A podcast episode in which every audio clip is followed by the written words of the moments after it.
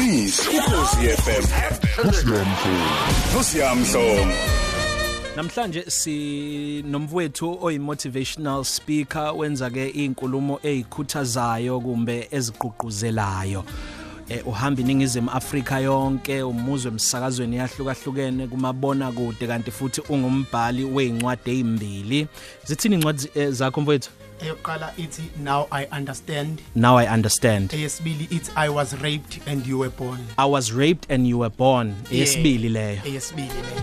Mfowethu eh bese kukaningi ngikuzwa eh wenza ama interviews kodwa mhlambe ngenxa yokuthi uma ubona kude noma usemsakazweni kusetshenzwa ngesikhathi Yeah. yabo isikhathi esiningi uyaye ungasitholi sokunaba nje ngodaba lakho Yeah. ngaze ngakuzwa kahle mgungundlovu ohlelweni luka Sisuneli Mkhize oluthi youth own your power ngesikhathi usilandisa ngodaba lwakho Yeah. nginesiqiniseko Yeah. sokuthi ongakaza kuzwe uma engakuzwa mfethu uchaza lolu daba Yeah. ngiyazi i-motivational speakers ningi izinto ongakhuluma ngazo Yeah. kodwa mawungasihlonipha nje eh mawungahlonipha umlaleli Yeah. em ey mfowethu udaba lakho lwayithinta i- inhliziyo yami. Nawe uzokhumbula wonke umuntu wasukuma wama ngeenyawo lapha ya kule lecture hall Yeah. yase UKZN eMgungundlovu ungabingelela kumlaleli angibingelele nje manje ngibingelela abalali bokhoze FM ngokukhulu kuyithoba ngibingelele nje indawo zonke eh eningizimu Afrika. Njengoba seshilo njomane igama lami ngusicelo ngwakamncube. Kuyintokozo ukuthi ngibe la ohlelweni. Kade ngangifisa ukuthi ngihlale nawe kanje. Namhlanje it's a dream come true ukuthi ngihlale nawe kanje. Ngiyalibonga nethuba lokuthi ungimeme ukuthi ngizobe part kwale kwendumiso. Uyakhumbula ukuthi siqala ukuhlangana kwakukuphi? Eh ngiqala ukuhlangana nawe kwakuse mengaphosisi kwakuse Richards Bay. Kwakuse Soul Renaissance Oh yes Ministries. yes no kwakuse Soul Renaissance ebandleni kaMfundisi Sithembiso Zondo mhlambe 8 9 years yes back. back yes. Wawusacula neqembu. Am- amazing Amazing grace, Grace. yes, yes yeah yeah yeah. Eh, ngikhumbula ukuthi zabaningi ikhawa umfethu uza kumina uthi ucela usizo olwahlukahlukene. Yeah. kodwa ke angifuni ukuyona mina. Yeah. eh ngifuna ukudedela nje njengamanje ukuthi kumlandise umlaleli ukuthi kwenzakalani ngempilo yakho ikakhulukazi njengoba usuze wabhala lezi incwadi ezicaphuna kuzo igaba ezenzakele empilweni yakho yeah Yeah. no mesingayiqala ekuqaleni usicela umfana omncane nje oneminyaka ewu26 eh ngizalwa endaweni yesentuzuma ngakhulela khona eh kuthe ngokuhamba kwesikhathi ngo2006 eh sekshona uma ngashintsha indawo yokuhlala ngayohlala emlazi. Eh ingikhula ke butisi ya impilo beyi be- impilo beyi right ngenxa yokuthi uma wami ubekwazi ukuthi a afford lempilo besiyiphila and besingakwazi ukucela impilo engaphezulu kwale yade siyiphila ngenxa yokuthi isent uma wami belithola besikwazi ukuphila lempilo esiyiphila ngaleso sikhathi. Uma ushona uwedwa noma zikhona ezinye ingane zakini? Uma umeshona ushona sibathathu mina omdala mina ngizalwa ngo92 ongilamayo uzalwa ngo93 lo omagcina uzalwa ngo2002 yeah so manje umeshona kuma ushiya sibathathu ekhaya. Na umeshona eh izinto eziningi zashintsha ngoba eh besiqala ukuexperience ukufa noma besiqala uku- uku- uku- ukuba sesimeni la khona sishonelwa khona ngoma and lo babhlungu lo basasingabazi ngomunye umuntu kwababhlungu uyabo? Wawuneminyaka emingaki ke mina ngangina 14 years old ongilamayo wayina 13 years old usisi wami wayina 4 years old nisebenza nje uma nifunda nina nenza nje izinto Yes, njengekhaya. njengekhaya noma nje. kungelona ikhaya mhlawumbe linemali etheni kodwa Yes. nje nanikwazi ukulala ndlini yes asikwazi ukulala sidlile impela. Ninophahla ngaphansi sinophahla futhi ngas- ngaphansi yebo. So uma sekushona kumana eh izinto eziningi zashintsha ngenxa yokuthi number 1 sathola ukuthi la esihlala khona kwangasikona kahle kahle ekhaya uma waye renta lo ndawo for 14 years. Yabo waye rent ukuthole sehambile ngithole lokho ma. seshonile lokho uma Ukuthola kanjani? angithi shuthi ke mes- uyabona uyazi mekunemngcwabo noma kungcwatshwa ukuthi abantu bayangena kwi program bakhuluma amazwi awodwa ukuthi mfana wami noma eseshonile uma wakho khulileka thina sikhona we will take care sokunakekela. Eh yonke into kade uyithola noma yonke into oyidingayo ungasabi just sithinte nje thina soba lapha so uma ushone ngomhla ungcwatshwe ngey ngey 15 2006 kanti izikole izovulwa ngey 19 2006 so mekuvulwa izikole sihamba sesikoleni wathiwa kwakuusuku nje olujwayelekile siye esikoleni siye esikoleni. Mesibuya esikoleni sibuya kunendoda lapha ya eh, egcekeni. Thiya ndoda sengifikile wena usicelo ngithi yebo baba mina usicelo ngijwayele le ndoda ngoba uma bene store but Yeah. nalento yokuthi hayi mhlawumbe befike ezothenga nje yabo. Bene tuck shop shop yes. So eh ngizo collect imali ye rent how baba uzo collect imali ye rent eyenze njani? Athi hayi awazini ukuthi njengoba nihlala la ekhaya eh uma wakho eh, uya rent uqashile la ekhaya. Uyabo? Hey kwanzima ukuthi hawu kanjani? Uyabo? So avelathi ubaba lo eh oh, kubuye lamazwi ayekhulunywa ukuthi kuko konke okudingayo we are there so kunakekela sicelo ngicela ukuthi ngisacela ukushayela abantu abambalwa ngizwe lento eyishoyo baba.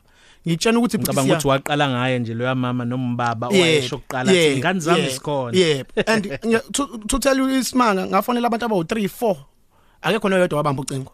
Uyabo? Koba nento ethi inhliziyo wathi lo baba hayi ngoba ngiyabona ukuthi mhlawumbe isakuthusile lento ngizokunika amasonto noma isonto lodwa noma amasonto amabili ukuthi uzame ukuthola imali ye rent if ungakwazi ukuyithola. Mina ngizoba forced ukuthi nginikhiphe because ngenza ibusiness ngale ndawo. Uyabo? Hmm. okay eh koba nzima noma sihambile ngiyazama ukuthi uyabona uma umfana uma umfana omncane ukuzama ukuhlanganisa izinto zingahlangani because abantu abadala banalento yokuthi ingane bayixoxela izinto ababhekana nazo. Mm. so nami ngaba kulowo mphumela ukuthi abazali bethu bebengayixoxa izinto abadlula kuzona seyizowela kuthina manje ukuthi asidile nento kodwa sazi utsodila nani. Mm. yabo lonto leyo. So kuba nento ethi ngoba osisibami ngiyabazi ngiyakwazi ngiyamazi ubaba kasiswami ongilamayo ngiyamazi ubaba kasiswami omncane. Ake ngifonele bona yabo. Oh nino baba bahlukene. Awo baba bahlukene mm. yebo. No usiswami lo omncane aye kababu wakhe usiswami lo ngilamayo amuva emlazi kababu wakhe yabo kwasala umbuzo ukuthi mina ngizoyaphhi ke manje? Ngoba le ndoda le ithe iyabuya the following week. Ay impilo ngivele ngiyeke kanjalo izinto yabo ngiyekelele ngoba ngiyabona ukuthi lento engizama uyilungisa ayilungi. Ngihambi ngesikoleni ngifunda ugrade 8 ngifunda u6 ngibuye. Kuthe the following week kwaku Wednesday linethi izulu.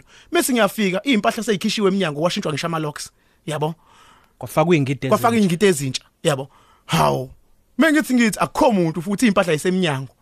Kwaba bhlungu buti siya.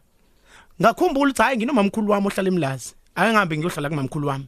Ngamuva yabo ngacela kamakhelwane ngisuka entuze bangibekele lezi impahla kunomuzi nje amakhelwane ongahlali umuntu uyabo so umfana wakhona naye uyaqashisa khona. Ngacela ukuthi ngicela ukubeka nje eroomini engahlali umuntu ngahamba ngaye emlazi.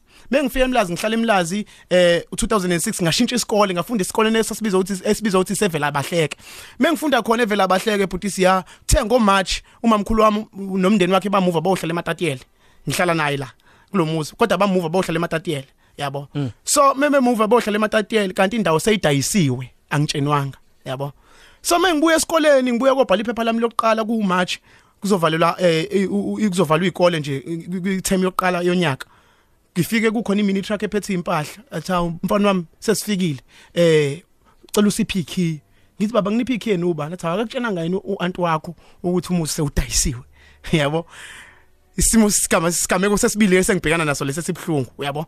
Eh ngithi mina awusayidayise kanjani abemfone noma sesithathu ngoba sokuqala ukushona kama ukushona koma esesibili ukhishwa endlini. esesithathu ilesi sokuthi manje la bengithemba ukuthi khona angazi yabo athi lo baba no hayi mfana wami ke eh afone. Hayi ngibamba ucingo. Ah mamkhulu kwenze njani? Cha mfana wami eh ngithi angikwazisa ukuthi sesihambile siyohlala eMatatiyela.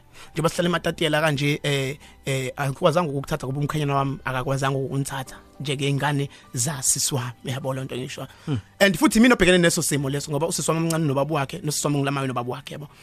Eh kube ebhlungu bhuti siya. In a way that ngaqale ngacabanga isikole ukuthi mengifuna ukusuka la shuthi kuzo drop out esikoleni.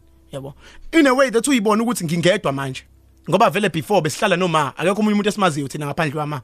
So uzoya kohlupha ba manje. Akekho umunye umuntu ozoyomhlupha uyabo? And lo muntu ukude yabo athi lo baba ngizokunika 4 days ukuthi uhlale la and then figure out ukuthi uzoqoqa impahla wenze njani. Mina ngahlala 2 days because inhlalo yayingayinhle kwakufanele ngibone ukuthi ngidlani yayingekho into yokudla. Yabo bahlala endlini enkulu ngilala ku outside building. So every time ngibuya esikoleni ngibuya esikoleni ngibe umuntu ontantayo nje futhi siya. Ngibe umuntu ontantayo. Yagcina yaphela indawo kanjalo la ngihlala khona emlazi ka W and from 2006 futhi siya 2006 2007 2008 ngaba i street kid full time hlala emgaqweni full time. 2006 2007 2008 isikolo wasenze njani? Nga drop out ngo2006 kwafanele isikole mina ngisiqede ngo2010 kodwa ngisiqede ngo2011 ngenxa ukuthi nga drop out ngo2006 kuthe ngiloke ngiya ngibuye ngiyeke ngibuye ngiye ngibuye ngiye ngasishintsha isikole ngayofunda u2007 ngayofunda eswelihle khona isikole kuthiwa iseswelihle ngayofunda khona. So into eyenzekayo ngibuye ngilale emaklasini esikole ngingene ngopotsho ngilale khona ngibuye ngiphume ngingaye esikoleni ngihambe ngiyo ugezephi kune garage lika MNR ngase ngase hotel elapho executive executive ngase executive. Ngiyalibona lo la ka left so mm. lapha leli garage libheke kwa W yes mm, yes uma wehlite ebhese ephumele oasis yebo yebo. Yebo. So kulelo garage bengilala ku veranda wakhona ebusuku. So kunomunye ubhuti bese ngimjwayele ngenxa ukuthi yabo mawuntanto ukukhuluma nanombaba bonke abantu baya recognize mawumuntu owehlala inyuka so lo bhuti lo wenza into enje bhuti siya every every morning njalo ekseni amagwinya alalile. Waye ngibekela wona ukuthi ngiyazi ngizofika ngikhale ngokuthi cela ngiphi imali yokudla yabo. Anginike lawo magwinya lawo. So ngigcina ngihlala naye ngoba usebenza kuleli garage ebusuku ngize ngizumeke khona lapha. Wangithengela isponge wathi hayi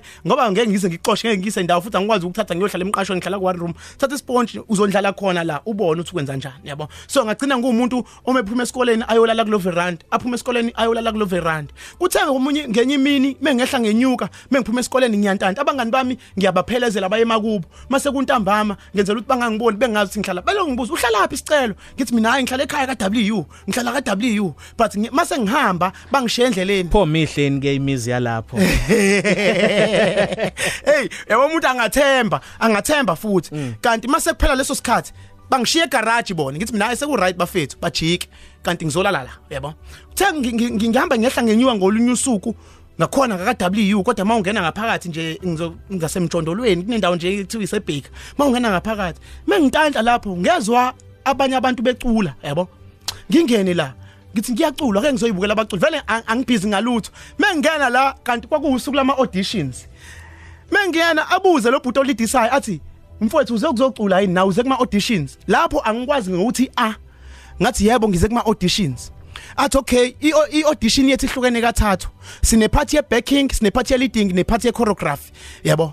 Okay siqale nge choreography aculisa igroup bacule bacule bangifundisa ukuthi okay senza kanje mesidansa awungakwenza lokho. Hayi mesidansa nami ngiyakwazi ukunyakaza yabo? Ngiyiphasa leyo phase kuze kwiphase yesibili yokubheka kuthiwa siyabheka ke manje. Bathi ngiyakhumbula bacula ingoma ethi azophela azophela. So ngilalele ukuthi 10 ibhekwa kanjani. Hayi ngoba ngiyakwazi ukukrema ngithi amaqhinga yabo angiyiphase leyo sibili kuthiwa sesiza kwiphathi yokulida ke awusilidele leculo hayi ke kwavela kahle kahle ukuthi lento engithi ngiyizele la angiyazi. Awusiyena umculi. Angisiyena umculo kodwa uyakwazi ukucasha. Ngiyakwazi ukucasha. Eh, wase wathi baningi. kunhlanhla ngoba ngiyabona ukuthi ugudi kulezi zinto eziwu2 zokubheka nok- nokudansa ngizokufundisa mina ke ukuze ube right yabo? Angazi nami futhi mhlawumbe ukuyena noma ayisetshenziswa uNkulunkulu yini ngoba futhi siya ucula ngikwazi. Ngangakwazi futhi angikwazi namhlanje wangithatha wangifaka egroupini kuthe ngosuku lokureheza ku Thursday ama ama results enziwe ngo Tuesday wathi before sikuthathe sikufake eqembini ngicela ukuthi siye ekhaya siyobatshena ukuthi usuculela igroup. Ngathi mengimtshela ukuthi hayi bhuti hayi ikhaya into engekho akekho futhi umuntu omzali wayetshela mhlawumbe ngiyasaba ukumtshena ngabazali bami noma ngekhaya thema sekuphunywa kanti iningi le group melihamba lidlula ngala engilala kakhona ngangena egarage kanti omunye umfana uyabona ukuthi ngiyolala lapha.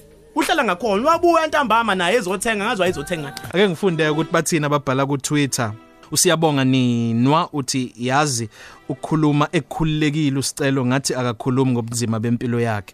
Unathi mthetho eshow ukuthi ha bunamandla ubufakazi bukabhudi #indumiso. Unqubeko ndlela uthi hey sa- sabhlungu loze labhlungu lolu daba ngoba amandla kaNkuluNkulu awafinyeziwe siya. Kwenzakalani ke mfowethu uma sekumele aba- abantu babone ukuthi ngokweqiniso wena uhlala la? Eh into eyenzekayo ke bhuti siyango 2008 eh ngihlala emgaqweni khona lapho ke ngilo ngilala lapho ke sengicula ne group sebengithathile. Bahambe bawongireporta laba be group ukuthi hayi lo bhuti lo umthathile ulala lapha emgaqweni. Eh nhlanhla. Eh sibonile indawo la kuyona iyabheda. And indlela ahleka ngayo mephambi kwethu ungazi ukuthi akabhekana nesimo uyabo? Akakhulumi futhi ngaleyo nto leyo uyabo abayazi amazing grace ngalezi ayikhathi bazomkhumbula ubhuti.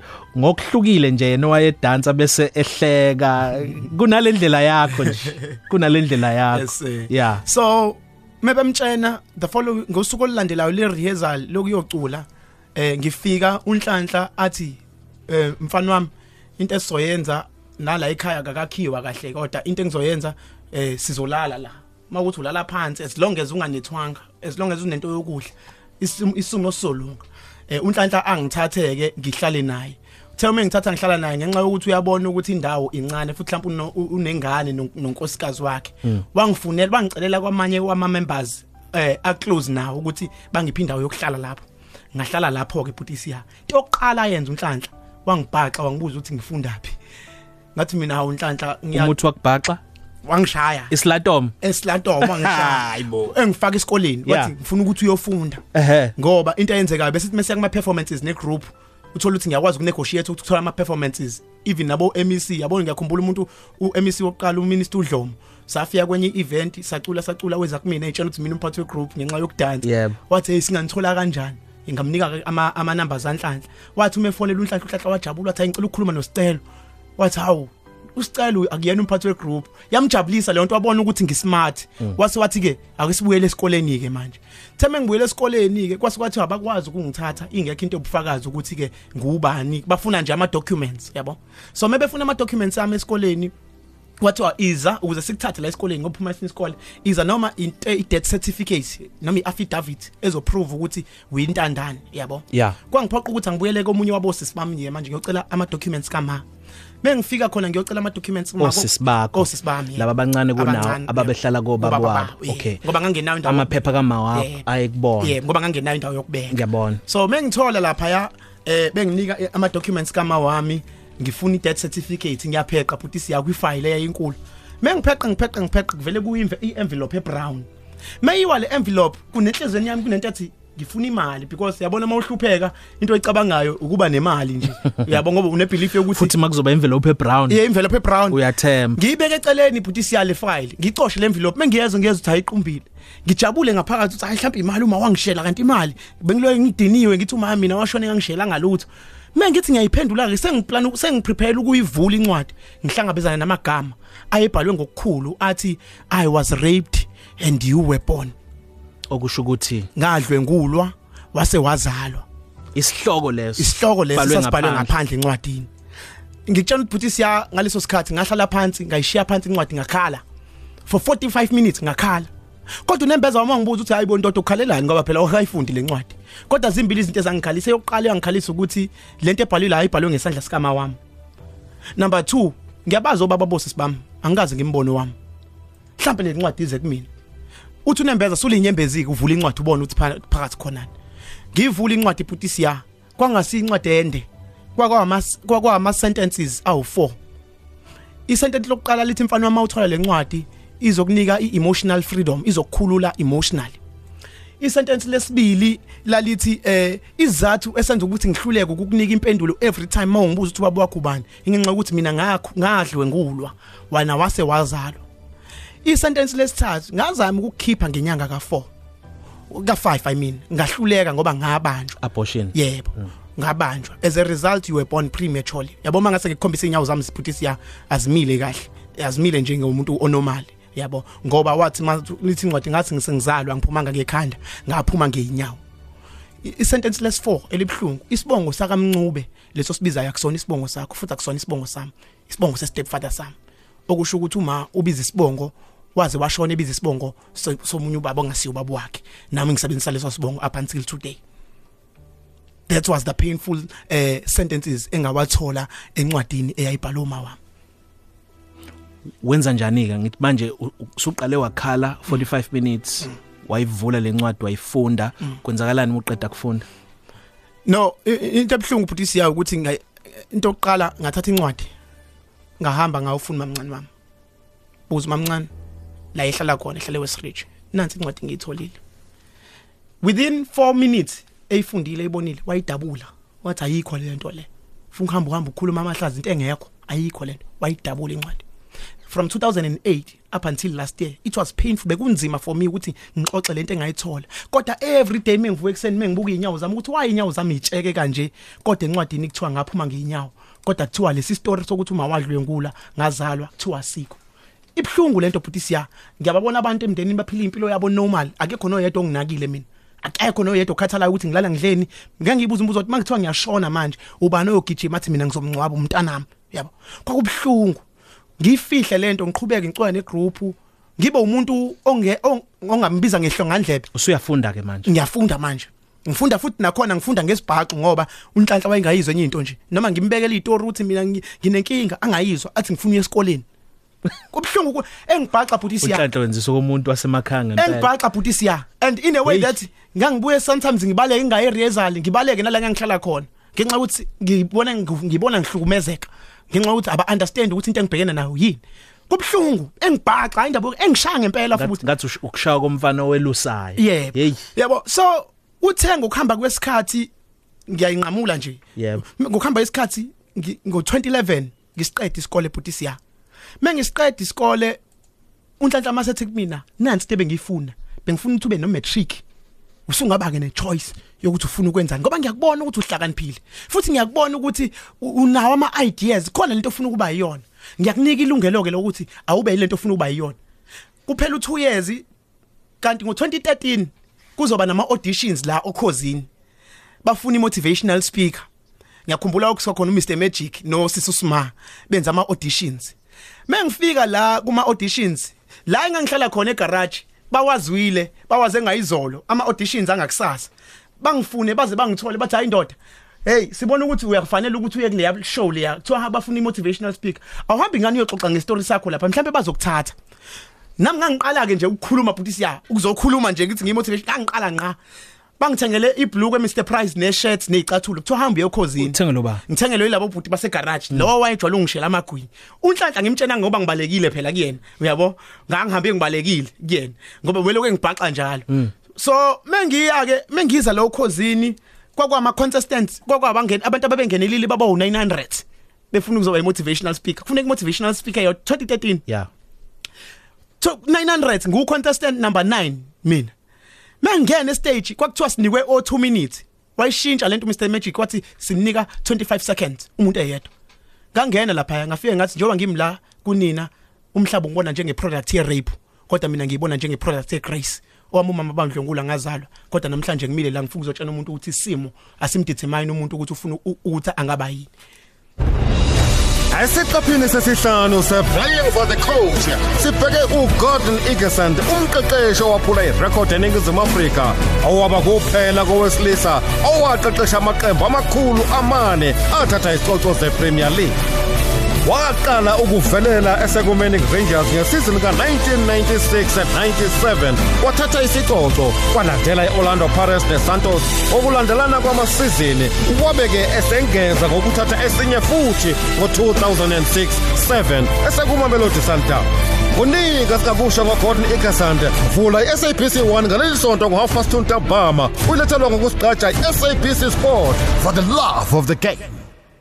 Usothengile ithikithi lakho le-National Lottery Raffle. Kulonyaka unethuba lokwina eyodwa izindlu eziyisithupha eyibiza u2 million rand iyinye. Kunjalo wena ungaziwinela indlu yamaphupho akho futhi ke kunesizumbulu sika 500,000 rand okufanele siwinwe. Phuthuma ukudayiswa kwamathikithi kuyavalwa ngomhla ka29 kuDisemba. Ngakho ke thenga amathikithi akho eraffle singakapheli isikhathi. Amathikithi atholakala eyitolo ezibamba iqhaza noma kuwebsite ye-National Lottery. Kunemibandela. Phanda pusha play. Abadlali kufanele babe neminyaka engu18 noma ngaphezulu. Dlala ngokuyicabangela Hey uyazi khathazile uma wami usehluleka nokuvuka embedeni ekseni ukhala ngamajoint abhlungu ikakhulu amadolo ubuye benezilonda futhi engapholi enyaweni zakhe Phindi ugogo wami wahletshelwa umngani wakhe ngalamaphilisi anamandla abizwa amaprosidine. Oh. waqala ngamabili njalo ngosuku. Kuthe emavini amabili nje aphola amajoint akhe. Manje useshayela phezulu. Thola ama-Prosidin capsules namuhla ekhemisi noma ungene ku-valueaddedlife.com. Khumbula, uma engathi Prosidin, akuwona ama-Prosidin. 7 minutes to 11 ubusi msesane nzima. Uthi yazi yangifikisela ngezinyembezi indaba kaBhudi inkosi yami ngibonga ukuthi ubephikelela akazange alahle ithemba efune ukudatshukelwa kodwa ubezama ukuthi aphile ngendlela sengathi unobaba nomama.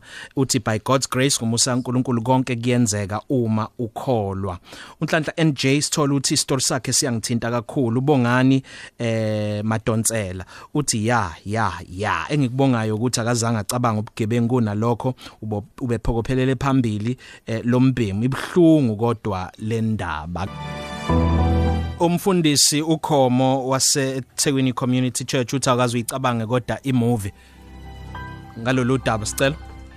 Eh into esihlezi senhlizweni yami Butisia into ehlezi senhlizweni yami. Kodwa akufanele ngilive- ngiliveze iqiniso lokuthi up until today ngisazama by all means ukuthi impilo ibe lento engiyifisayo eButisia you know? Eh akulula kona. Kodwa wesinye isikhathi mawuxoxela abantu amaphupha amaphupha akho bekubona ngathi awusebenzi mawuthi ngi-motivational speaker bavele bona ngathi into engeke iphumele but ngisazama and kuzokwenzeka asiligoqe lolu daba Yes, sir. sizamile Yes, sir. inkulu indaba ngempilo yakho. Yes, sir. kwase kwenzakalani lapha kuma auditions kuma auditions out of 900 speakers ngaphuma kwi top 3 ngiyakhumbula umuntu owayengilalele ngangikhuluma ngemotivate kubantu abawu 900 yeah kubantu abawu 900 ngaphuma kwi top 3 kwakuyimi umunye umfowethu abongile Mangala nomunye umfowethu wakuthiwa uZola. Eh u Mr Magic wathiwa sonikwa ama ama opportunities every Tuesday ukuthi so share story. Eh ngiyakhumbula. So eh ngaleso sikhathi kanti ngangilalelwe usifiso ncwane. Uma ngilalela usifiso ncwane eh ngoba kulesibili wokuqala engabizwa ngayo kwathiwa ngimotivate ngiyakhumbula ukuthi ngakhuluma ngempukane ngathi impilo yami ngiyifanisa nempukane impukane emayizalo izalelwe emanyaleni eh impukane emayizalo izendaweni enyanyisayo and akekho ngadla la kuzalelwa khona impukane. Kodwa impukane ithi anginemsebenzi nabo bonke abantu abanyanya ngokuthi ngizalelwe lephi nabantu ababamba amakhala ngokunyanya ibackground yami. Kodwa ngoba ngiyicelelanga ukuzalelwa emanyaleni kodwa bonke abantu abanyanyile ngebackground yami ngizoba mangaza ngoba uNkulunkulu yize engibeke kwi disadvantage kodwa ungiphili advantage okwamaphiko ngizosebenzisa lamaphiko phiko ukuthi ngingafeli la engizalelwe khona. Ngindize ngiyofela kuma orange juice ngiyofela ematafuleni o president and i said to myself shuthi impilo yami nami ifana ncane yempukani ngoba ngizalelwe kwi background ebhedayo kodwa uNkulunkulu wangipha amaphiko ingqondo yokuthi angingafeli la engizalelwe khona kodwa ngidize ngokucabanga ngiyofela endaweni eziphezulu kanti usifiso ngcono uyilalele leyo nto ngiyakhumbula ukuthi wayine Thanksgiving eCarls Fountain wangicela ukuthi ke ngize ngizokhuluma khona. Mengiya ngokhuluma khona bhuti siya nga following day angibize officeini lakhe uncwane eh benoma mncwane. Eh ngiyakhumbula nje imali yokuqala engayithola ngokukhuluma ngayithola eoffice la kancwane yokuqala nqa athi uncwane no eh eh umsebenzi wakho ngiyawuthanda. Ngizozama ukukusiza ukuthi eh uNkulunkulu akususe la ukhona akubeke la ufisa ukuya khona. And then kuba incwane beloko ezama ke bandla engipha la ama ama platforms la engizoloke ngikhuluma khona i radio i TV kwesinye isikhathi umebiza ukuthi azocula ukuthi ngize esikhatini sakhe ngikhulume Mm. abantu bangazi. Ake sizwe mfethu khona enye voice note la. Ake sizwe ukuthi bathini? Naze nangikhalisa kumanje ngiyakhala ngoba ngihleli kwi-tin house yomuntu engingayikhokhele ney'ngane zami. Sengiyazibuza ukuthi mina mhla ngithula zosala zibe yini shuthi zona kuyona. Ukhuluma uthini sicelo kumuntu osesimeni esifanayo noma sithi asicishe sifane nesakho njengalo sisi? Eh ngiye ngithe siya impilo i90 minutes principle. Yini 90 minutes principle? 90 minutes principle into esetshenziswa uma kudlalwa ibhola. Ucoach uma engena egroundini ngena nabadlali bakhe abawu 11 uma bafaka egroundini akadlali yena. Uma eduze kweground ubafakela nabadlali abawu 11 ubafaka ngoba athemba ukuthi ba prepared ukuwina le game. Ubafake be qualify ukuwina le game. So umema ngale kwe pitch ngabuka nathi empilweni emhlabeni kanti kune game edlalekayo. uNkulunkulu coach wethu umile ezulwini ubheke phansi emhlabeni egroundini. Thina njengabantu sabadlali njengoba sabadlali uNkulunkulu bengeyasifaka emhlabeni if besingekho prepared ukudlala igame yethu. So wonke umuntu une position ayiniki ukuthi akadlali. Kuyenzeka ukuthi ucoach alindele iwin kwi team kanti uyilindele na ku team olengikhuna kodwa ukhuna akakwazi ukora amagoli. Kodwa why ayilindele kukhune? Ingoba uyazi ukuthi ukhuna akadlali yedwa ukhona umuntu oyi strike ukhuna uyakwazi ukuthola ibhola. Into efanele yenze ukuthi aliphase ibhola alifeke kwi strike i strike esinamandla ukuthi score igoli. Nambe ngifana ne goalkeeper ngivimbile ukuthi amabhola esithi angashaya empilweni yami ngivimbile amabhola esithi ukuthi angangeni ngasempilweni yami ngingashawa inhlupheko ngingashawa ukuba i street kid. Kodwa ngenxa ukuthi benginalo iphupho engqondweni yami ngazibuza njenge goalkeeper ubani engamphostela leli phupho agijime nalo. Umekora ukora kwakhe kube ukuwina kwethu sonke. Ngabheka ukuthi oh, i want to be the best speaker in South Africa. I want to be the best author in South Africa. Yet i don't have money. Ngafuna ama strikers njengomama Mjilo umama ubabunjilo njengomama Mthandazile Gumede ubaba Misapiri ngabaxoxela ukuthi i want to be something big. Ngabaphosela ibhola. Bengibaphosela ibhola balithatha bagijima nalo bakora empilweni. Bebekora ukuwina kwabo kobo ukuwina kwami. Ngifuna ukuthi noma ngathi iposition okuyo manje inzima kanjani? Kodwa usegamini awudlali wedwa bakhona abazalwane ukhona umphakathi bakhona abantu ongathi mabaxoxela ngesimo sakho nephupho lakho ubaphosela lelo bhola bagijime nalo baphumelele uphumelela kwabo kube ukuwina kwakho. Ayitolikwe into yakho mfowethu. Siphumile incwadi utholakala kanjani uqasheka kanjani? Inamba ngingayisebenzisa abangayisebenzisa nje abantu ukungithinta mebefuna ukuthenga incwadi. Eyesithathu ezophuma futhi siya ukhathi story short it my father has always been there i rejected him. Sikhuluma ngoNkulunkulu uma bengibuza uma ubaba wami uma athi ubaba kuJesu so mina bengifuna ubaba wami ophilayo kanti uma wangitshela ukuthi ubaba wami uJesu incwadi zami zatholakala kule number ethi 065 947 2505 065 947 2505 ku Instagram ku @celo_motivator ku Twitter ngu @celo_mncube ku Facebook ngu Sicelo Mncube ipage Sicelo Mncube motivate 065 947 2505 ngiyabonga Sicelo kakhulu siyabonga kakhulu mfowethu thank you so much Ngumisi ukhosi FM. Nosiyamhlongo. Nosiyamhlongo.